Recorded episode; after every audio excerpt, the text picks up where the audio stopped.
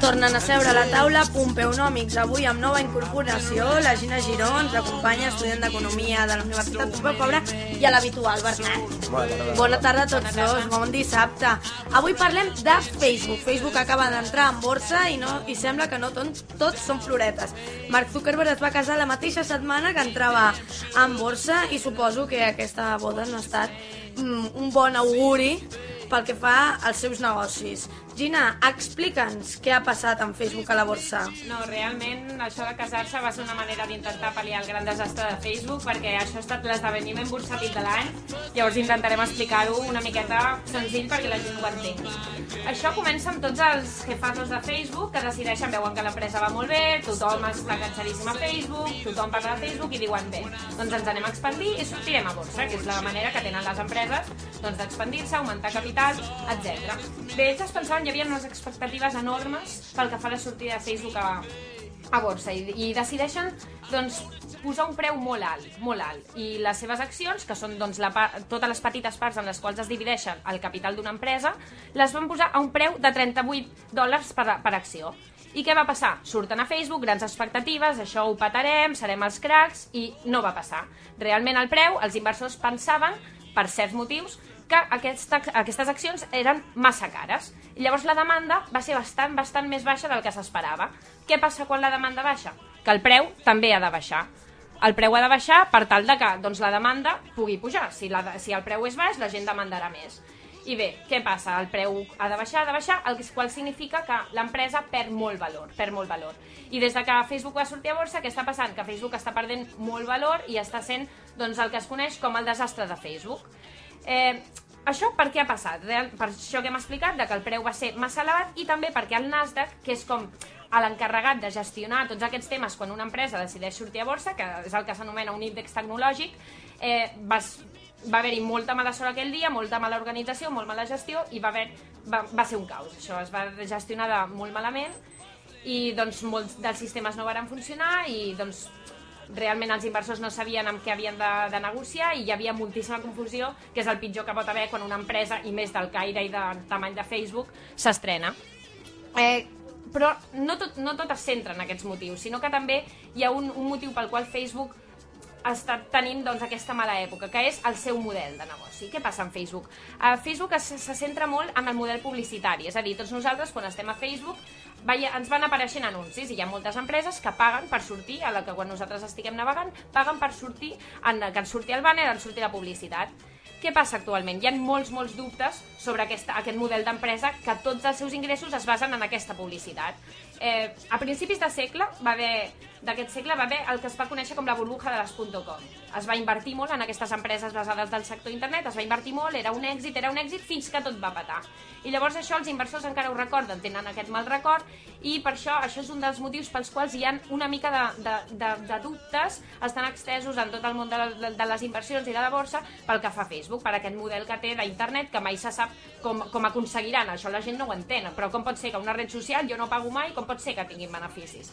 Després també, un dels grans problemes de Facebook és el seu model de, de les seves aplicacions de telèfon mòbil, que ells estan com morint d'èxit una mica, perquè tots nosaltres han, han tret l'aplicació del Facebook de mòbil i és, a tots ens va molt bé, és molt còmode, pots connectar al Facebook des del mòbil, però què està passant? Que la gent s'està molt habituant moltíssim a, doncs, a, a aquest mètode i tothom es connecta al Facebook des del mòbil i ja no es connecten a l'ordinador. Això de connectar-te des del PC doncs s'està perdent molt aquest, aquest costum. La gent es connecta directament des del mòbil i què passa? Que en el mòbil tot el tema de la publicitat en el mòbil tot el tema de la publicitat doncs no funciona, perquè tu no veus, eh, tu no veus els anuncis, tu et, el, la publicitat no, no la veus des del mòbil i llavors doncs què passa amb la manera que té Facebook d'aconseguir ingressos? Llavors tot això es perd i això els inversors en el moment de comprar les accions de Facebook quan va sortir borsa d'això se n'en recorden. Els inversors no són tontos i pensen, vale, jo aquí he de comprar aquestes accions, què passa aquí? Llavors tots aquests factors s'han anat ajuntant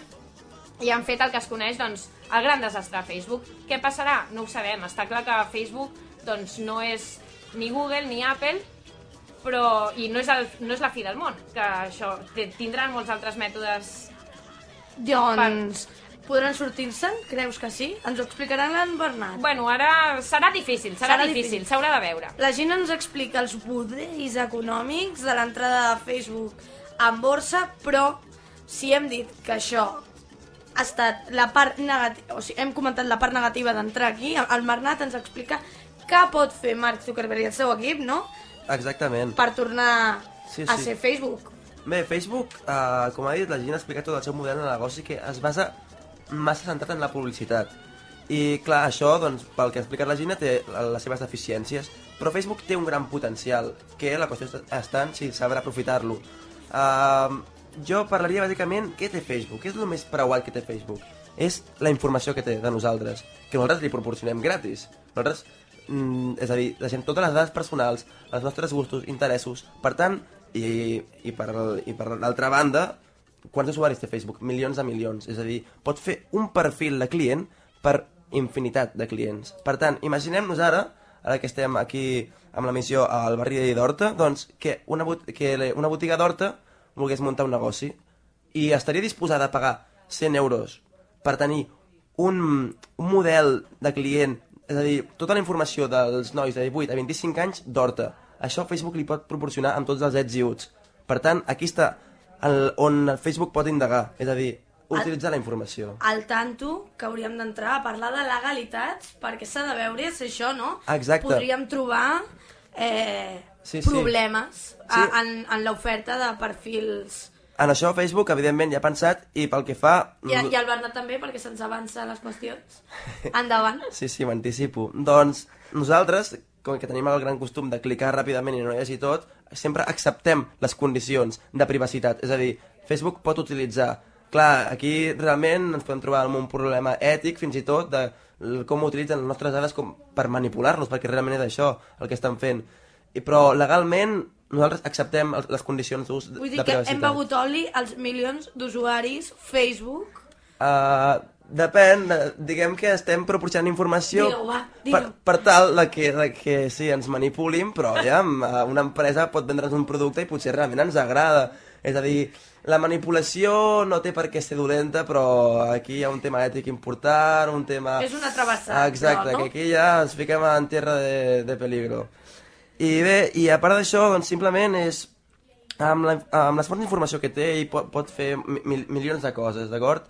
Però la qüestió està molt clara. Um, tant a Facebook com a qualsevol negoci, el nostre sistema empresarial que tenim és... mm, Tu no pots seguir amb la mateixa idea ad infinitum. És a dir, tu, excepte Coca-Cola, que mira, està, porta 100 anys fent el mateix, tu si no et reinventes mors. Això del capitalisme. És a dir, les empreses s'han de reinventar, han d'innovar, perquè si no va un altre que ho fa millor. I Facebook, doncs, mira, hi ha un moment que s'ha trobat amb aquest, amb aquest forat que ha de saltar. I com? Doncs reinventant-se, innovant-se, buscant les oportunitats que realment té per tot això que acabem de dir. Probablement eh, acabin decantant-se per aquesta opció de la venda de perfils, no?, a empreses, a grans I empreses. potser ens sorprenen amb més coses, aviam. Potser, però mm, seria molt lògic, no?, per part de, Totalment. de la naturalesa de l'empresa que acabin ofertant aquestes bases de perfils, no? Sí, bases sí. Sí, ja està clar que ara Facebook haurà d'innovar i per- s'haurà de tornar a guanyar tota la confiança dels inversors i dels consumidors en general, que ara sembla que està una miqueta perduda. No del tot, però està una miqueta perduda. Els usuaris, d'altra banda, continuem enganxats a la xarxa social. Sí, però aquestes coses mai se sap, perquè eh, també MySpace va tenir una època de boom total, però ara realment de MySpace qui se'n recorda? Jo crec que molt poqueta gent. I llavors aquesta, aquest sector d'internet és un sector que és molt nou ara mateix i tots encara estem experimentant, no se sap què passarà. I llavors doncs cal esperar i Facebook que tingui molts bons gestors que sàpiguen dominar aquest problema, però internet avui estàs a dalt i demà pots estar baix de tot. Llavors s'ha de gestionar molt bé això, s'ha de treballar per guanyar-te sempre la confiança d'inversors, consumidors, usuaris, etc. I per això us tenim a vosaltres, perquè estigueu atents amb el que passen les inversions en Facebook i ens ho torneu a explicar quan calgui, perquè com sempre us dic, Pompeu Nòmics és notícia i vosaltres us esperem aquí el dissabte vinent. Merci, Tingueu bona Gràcies, setmana. Bona setmana. Bona setmana.